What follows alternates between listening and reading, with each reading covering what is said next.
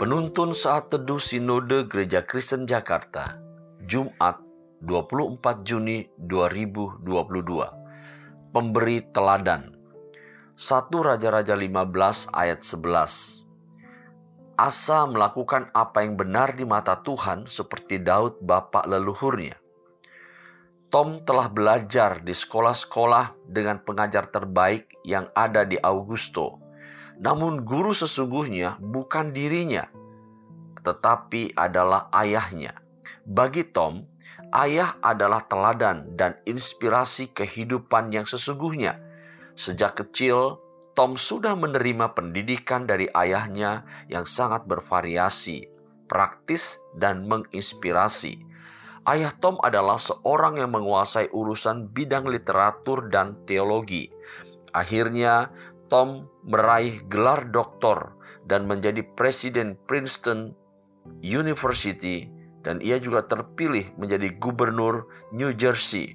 Ketika terpilih menjadi presiden Amerika Serikat, ia melepaskan nama depannya, Thomas, dan ia dikenal dengan nama Woodrow Wilson, presiden yang paling tinggi pendidikannya dalam sejarah bangsa Amerika.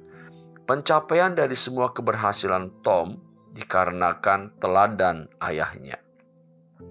Dalam satu Raja-Raja 15 ayat 11 menceritakan bagaimana Raja Asa melakukan apa yang benar di mata Tuhan seperti Daud bapak leluhurnya.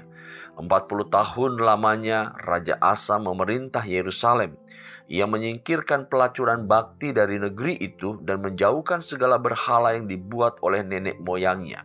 Bahkan ia memecat Ma'akah, neneknya dari pangkat ibu suri, karena neneknya itu membuat patung Asyerah yang keji.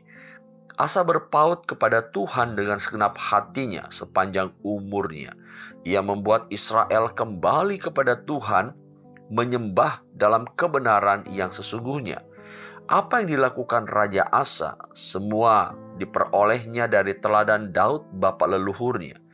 Tuhan memakai Raja Asa untuk melakukan restorasi iman bangsa Israel.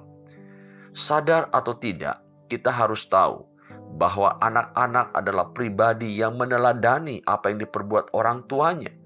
Ayah seharusnya menyadari dan bertindak hati-hati dalam memberi teladan. Ingatkah akan peribahasa yang mengatakan buah jatuh tidak jauh dari pohonnya? Hal ini digunakan untuk menyebutkan kemiripan sifat atau perbuatan dari orang tua yang diturunkan kepada anak-anaknya. Marilah para ayah berikanlah teladan yang baik bagi generasi kita agar takut akan Tuhan. Saudara, ayah adalah teladan bagi anak-anaknya. Tuhan Yesus memberkati.